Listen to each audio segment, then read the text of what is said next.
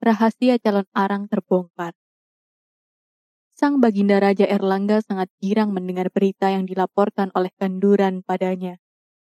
Lenyap segala kerusuhan, kesedihan, kemarahan, dan kejengkelannya. Dengan tidak bertangguh-tangguh lagi, ia memerintahkan pada Empu Bahula untuk berangkat ke Dusun Girah melamar Ratna Manggali. Setelah sang baginda menghadiahkan barang-barang berharga dan uang untuk emas kawin serta upacara pernikahannya, berangkatlah Empu Bahula ke Dusun Gira. Dengan naik kuda putih besar, Empu Bahula diiringkan oleh pasukan berkuda kerajaan.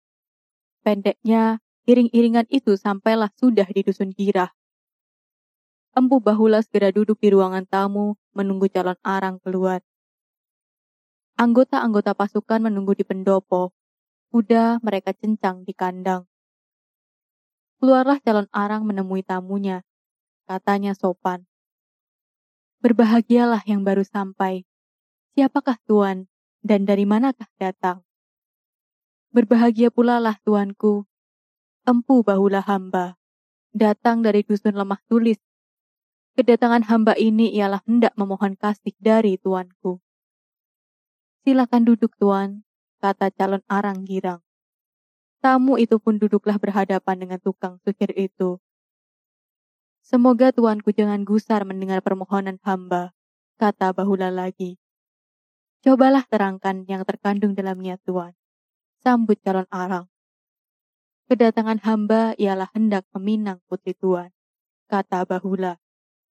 Bukan main girang calon arang, sekarang ia tak akan disindir-sindir dan dipercakapkan oleh orang lain. Sebentar lagi, anaknya jadi pengantin. Dengan girang, ia pun menjawab, Oh, apakah yang akan dimarahkan? Cuma si Ratna Manggali anak dusun tak tahu adat kota. Demikianlah niat hamba. Bila Tuhan keberatan dan bila Ratna Manggali pun tak keberatan, kata Bahula. Hamba adalah Bahula, telah banyak mempelajari ilmu. Murid dari Empu Baradah yang termasyur itu. Bahula diam sebentar, kemudian meneruskan lagi. Hamba harap Tuhan tidak keberatan dengan permohonan hamba itu. Sangat girang hati hamba, sang pendeta, karena Tuhan sudi memperistri anak hamba. Tetapi sudah hamba katakan tadi, Ratna Manggali anak kampung yang tak tahu adat kota. Kerjanya kaku dan kiku. Dialah anak hamba satu-satunya. Bagaimanakah pendapat Tuhan tentang permintaan hamba? Tanya Bahula. Hamba bersyukur, pendeta. Hamba serahkan anak hamba kepada Tuhan. Dan emas kawin apakah yang harus hamba penuhi? Tanya Bahula. Oh, itu perkara gampang, Tuan Pendeta. Sembarang hadiah Tuan Pendeta akan hamba terima dengan perasaan syukur, ribu-ribu syukur. Jawab janda dusun girah itu. Setelah didapat persetujuan, emas kawin yang dibawa oleh pasukan kerajaan itu diserahkan kepada calon arang. Perhelatan perkawinan itu dibuat besar-besaran oleh calon arang. Tentu saja karena Ratna Manggali anak tunggal dan anak itu disayang sekali. Harta benda janda itu banyak, melimpah-limpah. Tentu saja ia tak sayang kehilangan sebagian harta bendanya. Beribu-ribu orang datang bukan karena sayang mereka datang menyaksikan pernikahan itu, tetapi karena ketakutan tua, muda, laki, perempuan, semua keluar dari rumah masing-masing. Segala permainan ada di pesta itu, segala makanan dan minuman tersedia. Hari itu calon arang orang yang paling berbahagia di seluruh dunia. Sebentar-sebentar ia tertawa-tawa, ia merasa puas. Sekarang anaknya telah bersuami. Anak-anak kecil berteriak-teriak kegirangan. Orang-orang tua juga bersenang-senang. Semua mendapat makanan cukup dan minum banyak. Berhari-hari pesta itu diadakan, dari mana-mana orang datang. Pendek kata, sekarang Ratna Manggali telah bersuamikan Empu Bahula. Beberapa hari setelah anaknya kawin, calon arang pamitan dengan menantunya, hendak pergi sebentar. Tuan menantu, hamba mau berjalan-jalan sebentar, katanya. Kemudian pergilah ia dengan membawa kitabnya. Langsung saja ia ke perkuburan. Sendirian ia pergi, menantunya disuruhnya tinggal di rumah. Demikianlah tiap sore calon arang pergi membawa kitab. Sebelum pergi selamanya, ia pamitan dengan menantunya. Lama-kelamaan timbullah curiga di hati empu Bahula. Pada suatu hari bertanya kepada istrinya, Ke manakah ibu tiap sore pergi sendirian itu? Kelihatannya perlu sekali. Ia baru kembali kalau beduk malam hari sudah berbunyi. Manggali, kalau engkau tahu, bilangkan apa sebabnya. Tidakkah ibu takut pada binatang buas? Ratna Manggali tak buru-buru menyahut. Tidakkah engkau mengkhawatirkan ibu? Tanya Bahula lagi. Tidak, jawab Ratna Manggali. Mengapa tidak? Sudah biasa ibu pergi di waktu sore kemudian pulang tengah malam. Ceritakanlah, apa sebabnya Manggali? Tanya Bahula. Biarlah hamba ceritakan yang sebenarnya. Tetapi tuanku, ini tak boleh didengar oleh siapa pun juga. Ini rahasia, rahasia besar. Kalau ibu tahu rahasianya hamba bongkar, pasti celaka hamba ini. Tidak tuan ceritakan, bukan? Tanya Manggali. Tentu saja takkan aku ceritakan kepada orang lain, Manggali, kata Bahula. Masa aku akan membongkar rahasia ibu? Aku kan menantunya. Aku pun harus turut memelihara ketertiban rumah tangga, bukan? Sebenarnya, tuanku, kepergian bunda ialah ke perkuburan dekat Candi Durga. Di sana ia mengeluh, Ratna Manggali menceritakan rahasia ibunya. Siapakah yang diteluh Ratna Manggali? Tanya Empu Bahula. Penduduk negeri, tuanku. Semua penduduk negeri. Karena itukah sekarang banyak orang mati diserang penyakit? Itulah pekerjaan ibu, tuanku, kata Manggali lagi. Oh, oh, oh, kata Bahula. Karena itu banyak sekali orang mati sekarang. Beribu-ribu, tuanku. Tiap orang ketakutan, tiap orang khawatir, bangkai bertumpuk-tumpuk tak ada yang memelihara. Tuanku lihat sendiri? Ya, ya, kata Bahula. Kitab ibu sangat bertuah. Kitab itu berisi segala macam ilmu, karena itu tak pernah ketinggalan. Barang ke mana ia pergi dibawanya serta, Tuanku, ini rahasia, ini betul-betul rahasia. Bukankah tuanku takkan bercerita pada orang lain? Tentu saja tidak, Manggali. Empu Bahula berjanji. Setelah itu, Empu terdiam. Barulah ia tahu rahasia tukang sihir itu. Tahulah ia sekarang betapa jahat perempuan itu. Sebentar-sebentar ia mengangguk-anggukan kepala. Ratna Manggali tak bicara lagi. Kemudian Empu Bahula berkata lagi, Ratna Manggali adikku, ingin benar aku melihat kitab yang bertuah itu. Ingin aku tahu apakah isinya. Maukah engkau menolong aku? Menolong bagaimana, tuanku? Tanya Ratna Manggali. Kalau ibu sedang tidur, cobalah ambilkan kitab itu. Aku ingin tahu isinya. Engkau mau, bukan? Tentu saja hamba mau menolong tuanku, jawab Ratna Manggali dengan tidak ragu-ragu sedikit pun juga. Nanti kalau ibu kelupaan, hamba ambilkan. Pada suatu hari calon arang sedang tidur. Nyenyak sekali tidurnya. Beristinjak Ratna Manggali mendekati tempat tidur. Dengan tak terdengar oleh ibunya, kitab bertuah itu diambilnya.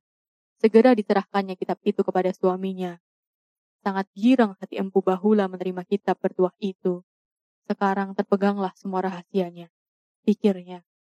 Setelah mendapat barang itu, ia pamitan dengan istrinya. Mau ke mana tuanku kini? Tanya istrinya. Biar aku pergi jalan-jalan sebentar. Jawab Mbu Bahula. Sudah lama juga aku di sini. Sejak nikah kita, aku tak pernah keluar rumah ini. Ratna Manggali mengizinkan. Sebentar kemudian Empu Bahula telah melompat ke atas kudanya. Dipacunya kuda itu kencang-kencang. Lemah tulislah yang ditujunya. Pekerjaannya sudah berhasil. Ia sudah memperoleh rahasia calon arang tukang sihir celaka itu. Ia hendak melaporkan rahasia itu kepada gurunya, Empu Barada. Kuda yang ditunggangi lari laju, mendaki dan menuruni gunung. Empat lima kali harus menyeberangi kali. Di tangan kiri Empu Bahula terselip kitab bertuah calon arang. Di lemah tulis, ia bertemu dengan gurunya. Kitab segera diserahkan, Kagum beberapa membaca kitab itu. Katanya, inilah kitab yang sangat luar biasa isinya. Hanya saja si calon arang salah mempergunakannya. Kalau digunakan untuk maksud yang baik, ia akan segera mendapat terima kasih beribu-ribu manusia. Sayang, ia salah mempergunakan. Setelah kitab itu terbaca habis, bicara lagi sang barada. Nah, Bahula, inilah kitab itu. Suruh istrimu mencimat baik-baik. Kembalilah engkau ke dusun kira. Setelah selesai mengasuh, Empu Bahula melompat ke atas kudanya dan kembali ke dusun Girah. Di tangan kirinya terselip kitab bertuah si calon arang. Setelah mengetahui rahasia kitab itu, Empu Baradah pergi ke tempat-tempat yang diamuk oleh penyakit. Tiga orang di antara murid-muridnya yang terkemuka mengiringkan. Sepanjang jalan mereka bertemu dengan orang mati. Dengan tuah mantranya sang empu mengobati orang-orang yang sakit. Segera saja mereka sembuh. Tentu saja girang benar yang telah disembuhkan itu. Mereka beribu-ribu terima kasih. Sang pendeta pun menolong orang-orang yang telah meninggal. Bila mayat itu belum membusuk, sang pendeta memercikannya dengan air, dan hiduplah kembali mayat-mayat yang telah meninggal kena teluh itu. Kadang-kadang hanya dengan pandang, sentuhan, atau hembusan napas, mayat-mayat itu dapat hidup kembali. Barang ke mana sang empu datang, tentu beribu-ribu orang datang memohon berkah. Orang-orang yang mati berhayat kembali, orang-orang sakit segera sembuh lagi. Karena itu, tiap langkah empu baradah bertindak, ia ditaburi dengan bunga-bungaan aneka macam. Kalau meneruskan perjalanan, semua penduduk sujud menghormatinya. Pada suatu dusun, Empu Baradah melihat seorang perempuan menumpuk kayu hendak membakar mayat suaminya yang baru saja meninggal. Cepat-cepat Empu Baradah mendekati. Bungkus mayat itu disobeknya. Perempuan itu melompat menghalangi pekerjaan sang empu. Jangan ganggu suamiku, jangan ganggu dia, katanya melarang. Sabar anakku, sabar, kata sang empu perlahan. Bungkus mayat dibongkarnya sama sekali. Kena sentuhan tangan sang pendeta, Jantung mayat itu mulai berdetak perlahan. Darah mulai memerah di mukanya. Perempuan itu heran. Sebentar ia memandang mayat suaminya. Sebentar ia memandang empu barada. Sang empu mengusap dada mayat itu dan detakan jantungnya menjadi keras. Sebentar kemudian mayat itu pun membuka matanya.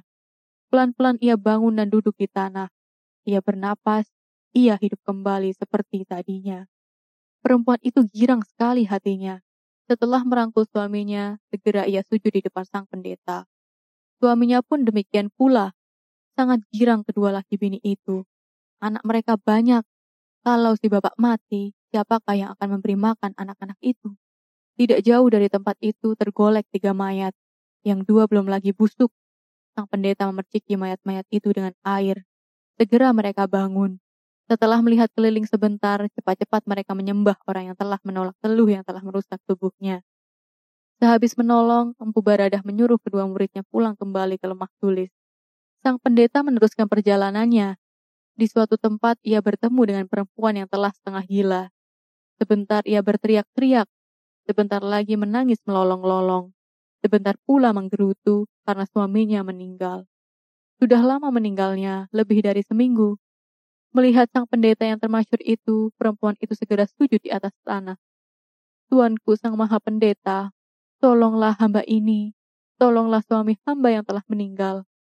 Setelah bangun dari sujudnya, ditariknya ujung jubah sang pendeta, dibawa ke tempat mayat suaminya yang sudah membusuk. Inilah suami hamba, tuanku, kata perempuan itu lagi. Kalau ini tidak bisa diobati lagi, ia sudah busuk, kata Barada. Perempuan itu memaksa dan memaksa. Kalau engkau mendesak-desak juga, lebih baik engkau berkumpul saja dengan dia. Nanti engkau bisa berkumpul lagi dengan dia. Ini azimat untuk keselamatanmu. Perempuan itu menerima sebuah azimat. Sekarang ia tak menangis atau berteriak-teriak atau menggerutu lagi. Sang pendeta meneruskan perjalanan. Di sebuah pekuburan yang gelap dan diruyaki semak belukar, ia berhenti. Dilihatnya banyak anjing menyalak-nyalak di situ. Gau gagak menulikan kuping. Mereka berterbangan di atas. Beratus-ratus pula yang bersenang-senang di tanah mematuhi mayat. Waktu melihat sang empu lari, semua binatang-binatang itu. Waktu melihat sang empu, lari semua binatang-binatang itu. Empu Baradah masuk ke pekarangan pekuburan itu. Dilihatnya banyak sekali mayat manusia di situ. Semua dipercikannya dengan air, Segera bangunlah mayat-mayat itu. Mereka hidup kembali. Ratusan banyaknya mereka. Empu Baradah meneruskan perjalanannya. Di sebuah perkuburan lainnya, sang pendeta menemui dua orang lelaki. Mereka buru-buru sujud pada kakinya. Siapa engkau, hei lelaki? Aku belum pernah bertemu. Hamba inilah Wekstirsa sang maha pendeta, dan yang satu ini kawan hamba si Mahisa Wadana. Kami berdua murid Nyai janda calon arang yang masyur ke seluruh negeri itu. Kami berdua ini adalah orang-orang berdosa, Maha Pendeta. Hanya Tuhan hambalah yang sanggup mengampuni dan memperbaikinya. Bangunlah engkau berdua, kata Ambu Barada. Sekarang aku belum bisa memperbaiki dan mengampuni jiwamu. Calon arang yang harus dicari dahulu. Nah, pertemukanlah aku dengan dia. Kesebelas, Daha terlepas sihir calon arang. Karena asyiknya meneluhi orang, jaranglah calon arang tinggal di rumah. Bertambah banyak juga orang yang mati kena teluhnya. Bertambah girang hatinya. Pada suatu hari, sedang ia memuja di Candi Durga. Datanglah Dewi Durga padanya melalui asap pedupaan. Dengan ringkas dan tegas, Dewi itu berkata pada calon arang, Engkau datang lagi calon arang? Sekarang engkau harus awas. Bahaya telah mendekati dirimu. Belum sempat tukang sihir itu menyampaikan maksudnya, Dewi itu telah lenyap. Tentu saja kecewa hatinya.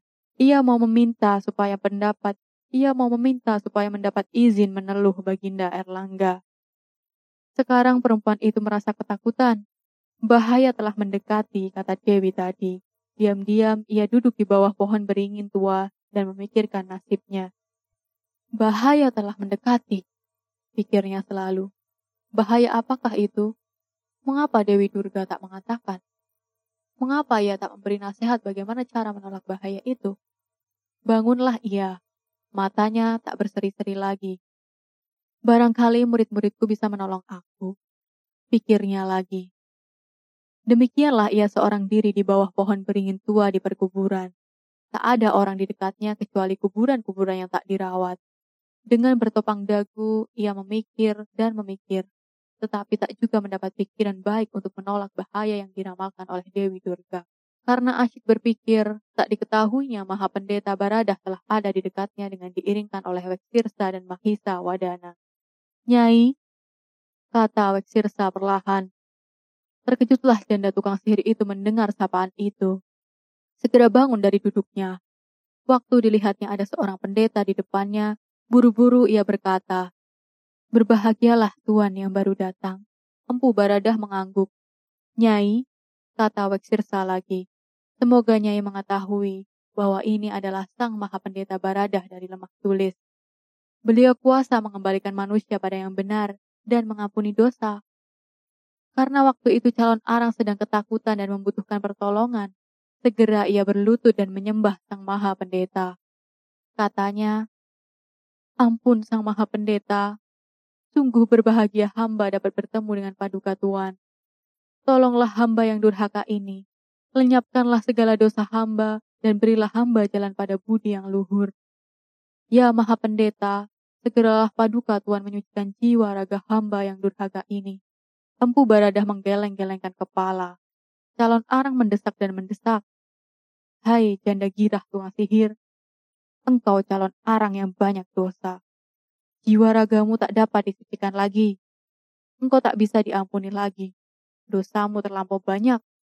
Puluhan ribu orang tak berdosa mati karena tingkahmu. Begitu banyak orang yang kau buat sengsara. Dosamu terlampau besar. Tak ada seorang pendeta pun yang bisa mengampuni. Calon arang merendah-rendahkan diri supaya pendeta itu mau mensucikan dirinya. Tetapi Empu Baradah tetap menolak. Ia hanya menggelengkan kepala Tak sudi ia meluluskan permintaan tukang sihir yang banyak dosa itu. Karena tetap ditolak, lupalah calon arang pada ketakutannya. Kemarahan timbul, matanya melotot galak. Seluruh tubuhnya menggetar, bibirnya menjadi pucat karena kemarahan itu. Kedua tangannya menggigil, matanya merah, kening berkerut menakutkan, sehingga alisnya yang kiri dan kanan bersambung jadi satu. Napasnya sesak oleh kemarahannya itu. Dadanya turun naik seperti pompa. Akhirnya kemarahannya memuncak. Dari mulut, kuping, dan matanya menyembur api keluar. Weksirsa dan Mahisa Wadana mundur jauh-jauh melihat itu. Keduanya ketakutan terkena api yang keluar dari tubuh tukang sihir itu. Melihat tingkah perempuan tukang sihir itu, tertawalah sang maha pendeta. Apakah yang kau perbuat itu? Tanyanya sambil tertawa. Calon arang mendekat empu baradah, tapi sang empu tidak mundur. Hei Barada, teriak calon arang dengan suara ganas. Engkau menolak perintahku. Kau tak mau membuat diriku kembali jadi baik. Kau tak studi melenyapkan semua dosaku. Mau apa tidak? Empu Baradah menggelengkan kepala. Kerjakan, perintah calon arang. Jangan sampai terkena teluhku. Engkau mau tahu siapa calon arang yang tak tertandingi di seluruh alam ini? Inilah dia orangnya. Kerjakanlah perintahku atau kubuat kau jadi barang tontonan yang paling hina. Weksirsa dan Mahisa Wadana terus menjauhi kedua orang yang sedang berhadap-hadapan itu. Tidak mau. Kalau engkau kena angin tubuhku, hancur luluhlah engkau. Calon arang berteriak-teriak keras. Sambungnya. Calon arang belum punya tandingan di seluruh dunia. Jangankan engkau, hai pendeta kurus, kalau engkau kena tiupanku, barulah engkau tahu siapa aku. Pasti engkau terbakar jadi abu. Kalau engkau mau lihat buktinya, pandanglah pohon beringin itu. Kalau kena tiupanku, pasti dia hancur tersebar-sebar jadi abu. Setelah mengatakan itu, calon arang segera meniup pohon beringin yang jauh dari tempatnya. Api besar tersembur dari mulutnya. Pohon beringin yang kena tiupannya itu terbang ke angkasa dan terbakar jadi api. Dalam sekejap mata saja, lenyaplah pohon itu dari pemandangan. Hei Barada, kenal engkau sekarang siapa aku? Teriak perempuan itu. Perlihatkan seluruh kepandaianmu. Bu Barada berkata tenang. Kurang ajar kau pendeta kurus. Ayolah, lihatkan segala kebiasaanmu. Baradah ingin tahu. Ujar empu itu dengan sangat tenangnya. Bertambah marah calon arang mendapat tantangan seperti itu. Dadanya kembang kempis. Keringat bermanik-manik di kening dan menetes-netes di dadanya. Setelah dilihat, maha pendeta itu tak gentar melihat kepandaiannya. Segera ia meniup. Api membesar menyambar dari mulut dan menggulung sang empu. Tetapi Baradah tidak termakan api yang keluar dari mulutnya itu. Beliau tetap berdiri tenang di tempatnya. Lama api itu membakar sang empu dan calon arang terus meniup sambil meraung seperti singa. Api tambah besar, tambah besar, tetapi empu Baradah tak terbakar olehnya. Melihat Baradah tak apa-apa, bertambah murka tukang sihir itu. Giginya gemeletuk, badannya membungkuk sampai kecil, kemudian ia melompat menerkam. Bulu tengkuknya berdiri seperti ayam sedang bersabung. Keluarkan seluruh kepandaianmu, kata Barada. Api dari tubuh janda itu kian jadi besar, keluar masuk bersama napasnya. Bunyi api keluar masuk itu mengerikan seperti rumah kebakaran. Akhirnya sang maha pendeta berkata dengan kepastian, Hei kau calon arang mesti mati. Waktu itu juga matilah calon arang. Lenyap api yang keluar masuk dari tubuhnya. Lenyap api yang besar seperti rumah terbakar itu. Dan melihat gurunya telah mati, baru Weksirsa dan Mahisa Wadana berani mendekat. Sekarang calon arang tergolek di tanah. Tak gerak-gerak ia. Weksirsa dan Mahisa Wadana memandangi bekas gurunya dengan sangat kagum dan kaget. Kedua orang tadinya mengira bahwa calon aranglah satu-satunya orang yang paling manjur sihir dan tuahnya. Rupa-rupanya, ia dengan gampang saja dilawan oleh Empu Barada. Sang Maha Pendeta masih berdiri di tempatnya. Dipandanginya mayat itu diam-diam. Kemudian ia berkata pada dirinya, ini tidak baik. Tidak ada gunanya kalau ia mati begitu saja sebelum jiwanya dibersihkan. Ini artinya pembunuhan. Setelah berkata pada dirinya sendiri, ditiupnya mayat itu pelan-pelan. Segera calon arang bangun kembali. Hai pendeta lemah tulis, teriak perempuan itu. Untuk apa kau hidupkan aku lagi? Bukankah lebih baik aku mati? Mati adalah gampang calon arang. Tetapi mati itu tidak berguna kalau tidak membawa kesucian. Baiklah, kusucikan jiwamu dahulu, kata Abu Barada. Mendengar itu bukan main girang calon arang. Ia telah menganiaya dan membunuh puluhan ribu orang. Itu suatu kejahatan, dosa besar. Karena itu jiwanya kotor. Cuma orang-orang suci yang bisa menghilangkan kotoran jiwa itu. Ampu Baradah memberi pelajaran tentang budi pekerti yang baik pada janda gila itu. Pelajaran itu membuat tukang sihir itu insaf akan segala keburukan hati dan perbuatannya. Itulah sebabnya ia girang sekali. Kemudian tukang sihir itu menyembah Abu Baradah dengan takzim. Weksirsa dan Mahisa Wadana pun mendapat pelajaran dari sang pendeta. Lenyap semua sifat mereka yang buruk. Mereka jadi orang-orang yang berbudi. Setelah itu calon arang dibunuh kembali oleh sang empu. Matilah ia. Kematiannya berarti keselamatan untuk orang banyak. Sekarang Weksirsa dan Mahisa Wadana menjadi murid Baradah yang paling setia, paling penuru dan paling pembela. Barang ke mana sang Baradah pergi, keduanya mengiringkan. Setelah selesai pekerjaan sang empu di perkuburan itu, mereka pun terus ke dusun Gira. Di dusun Gira itu, sang Barada bertemu dengan muridnya Empu Bahula. Barada bercerita tentang calon arang telah mati. Kemudian Bahula disuruhnya segera ke ibu kota, disuruh menghadap sang Baginda untuk mengabarkan kematian calon arang. Perintah itu dijalankan oleh Bahula dengan senang hati. Cepat-cepat ia melompat ke atas kudanya. Dengan tiada menoleh-noleh, ia menjurus ke Daha. Di gapura istana, ia cencang kudanya, kemudian menyampaikan pada penjaga bahwa ia akan menghadap Sri Baginda. Setelah diperkenankan menghadap, Sri Baginda berkata, Apa kabar Bahula? Hamba menghadap ke bawah duli sang Baginda ialah karena diutus oleh ayahanda Tuan sang Empu Barada. Apa kabar dari ayahanda Empu? Kata Sri Baginda. Beliau menyembahkan berita bahwa calon arang telah mati setelah bertanding kesaksian dengan ayahanda sang empu barada. Calon arang kalah dan mati. Girang bukan kepalang sang baginda mendengar kabar itu. Di manakah sekarang ayahanda sang empu? Ingin aku bertemu. Ayahanda sang empu kini di dusun Girah. Jawab empu Bahula. Kemudian Sri Baginda Erlangga memerintahkan Perdana Menteri menyiapkan upacara untuk besok hari. Baginda akan menghadap sang pendeta Baradah di Dusun Girah. Perdana Menteri diperintahkan menyiapkan pasukan yang lengkap bersenjata, serta kendaraan-kendaraan lengkap dengan panji-panji dan alat-alat kebesaran. Setelah selesai menyampaikan kabar, Empu Bahula mundurlah dari hadapan sang Baginda. Keesokan harinya, Sri Baginda Erlangga berangkatlah ke Dusun Girah. Ribuan bala tentara turut serta. Juga dayang-dayang, bayangkara, Perdana Menteri Dharma Murti, di depan sang baginda berbaris gamelan dan tukangnya lengkap dengan gendering, suling, sangkakala, dan gong. Seperti prajurit berangkat perang saja nampaknya. Sri Baginda duduk di kereta berlapis emas yang ditatahi dengan intan dan berlian. Pintu serta jendela dihiasi dengan sutra dari Tiongkok.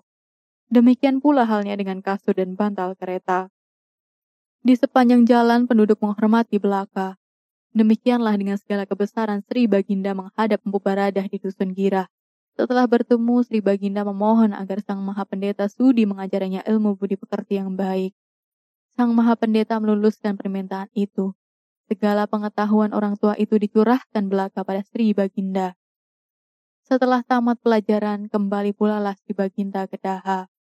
Pengetahuan yang didapat Sri Baginda itu dipergunakannya untuk memperbaiki keadaan rakyat. Karena itu Erlangga sangat dicintai. Bahkan negeri-negeri yang takluk kepadanya merasa senang belaka. Orang-orang Tionghoa dan India leluasa datang ke tanah Jawa untuk berdagang. Bukan main bagusnya perdagangan waktu itu. Tiap pedagang mendapat untung yang baik.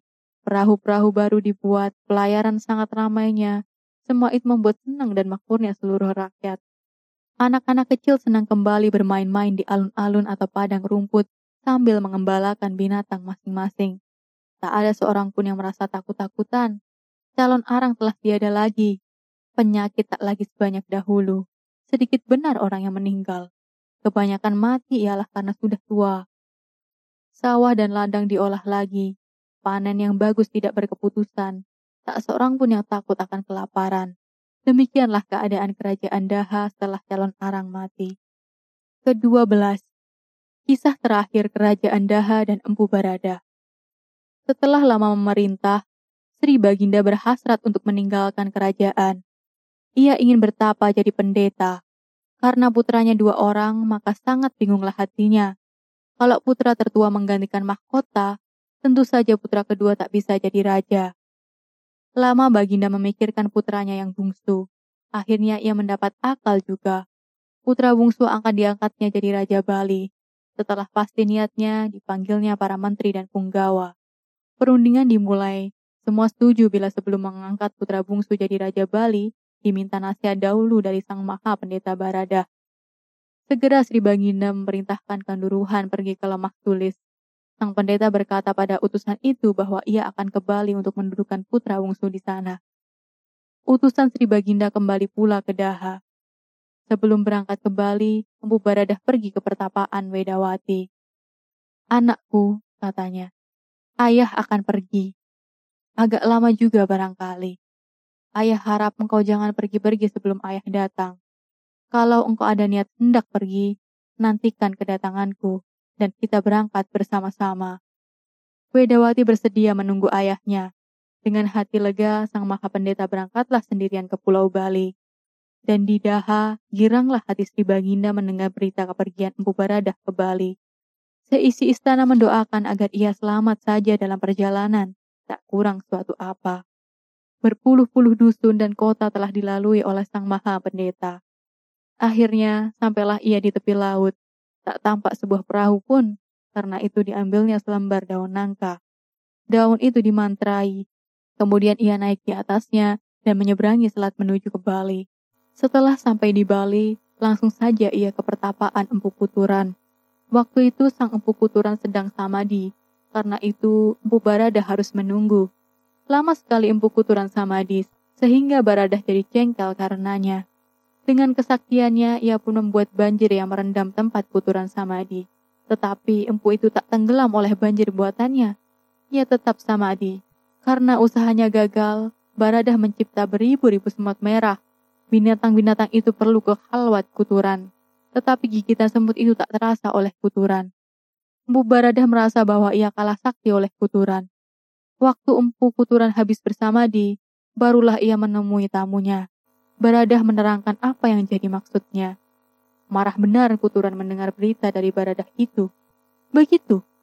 Tanya Empu Kuturan. Aku tak mengizinkan putra bungsu Sri Baginda Erlangga merajai Pulau Bali. Cucuku sendiri telah jadi raja di sini. Banyak sudah raja yang takluk padanya. Sekarang Baradah pun marah mendengar jawaban Kuturan. Segera ia meninggalkan pertapaan itu dengan tiada pamitan. Sampai di pantai dinaiki kembali daun nangka itu. Tetapi heran, daun itu tetap tenggelam ke dalam air Kembali ia memantrai, tetapi daun itu tetap tenggelam. Ia berpikir-pikir apa sebabnya demikian. Akhirnya tahu jualah ia apa sebabnya. Ia meninggalkan pertapaan Empu Kuturan dengan tiada pamitan. Itu tidak sopan. Cepat-cepat ia kembali ke pertapaan Kuturan. Ia minta maaf banyak-banyak, dan Empu Kuturan memaafkan. Dan sekarang daun itu tak tenggelam lagi di tumpakinya. Dengan daun itulah ia berlayar pulang ke tanah Jawa. Segala pengalamannya di Bali diceritakan belaka oleh Empu Baradah pada Sri Baginda. Bagaimana pendapat ayah Anda? Tanyanya kemudian pada Barada. Tuanku, baiklah kerajaan ini diparuh dua, yang sebelah dinamai Kediri dan diperintah oleh putra sulung, yang sebelah lagi dinamai Jonggala dan diperintah oleh putra bungsu. Semua menteri dan punggawa yang hadir setuju belaka, dan sejak itu kerajaan Daha dipecah jadi dua kerajaan kecil, Sri Erlangga sendiri meninggalkan istana dan pergi bertapa. Bu Baradah kembali ke pertapaannya mengajar murid-muridnya lagi. Waktu kerajaan Kediri menyerang Jenggala, Bu Baradah juga yang mengetengahi kakak beradik yang berkelahi itu. Dibuatnya batas-batas yang tentu bagi kerajaan-kerajaan mereka. Perang lebih luas dapat dicegah, dan untuk jasanya ini, Sang Maha Pendeta mendapat hadiah dari kedua raja serta Sri Erlangga segala macam emas berlian dan perak. Sesampainya di asramanya sendiri, segala kekayaan itu diserahkannya kepada anak yang lelaki. Setelah menyerahkan semua harta bendanya, pergilah ia ke tempat Wedawati bertapa. Diajaknya anaknya yang dicintai itu pergi jauh, jauh sekali. Maka nampaklah kedua orang itu berjalan bersama-sama, naik gunung. Tambah lama, tambah kecil kelihatannya.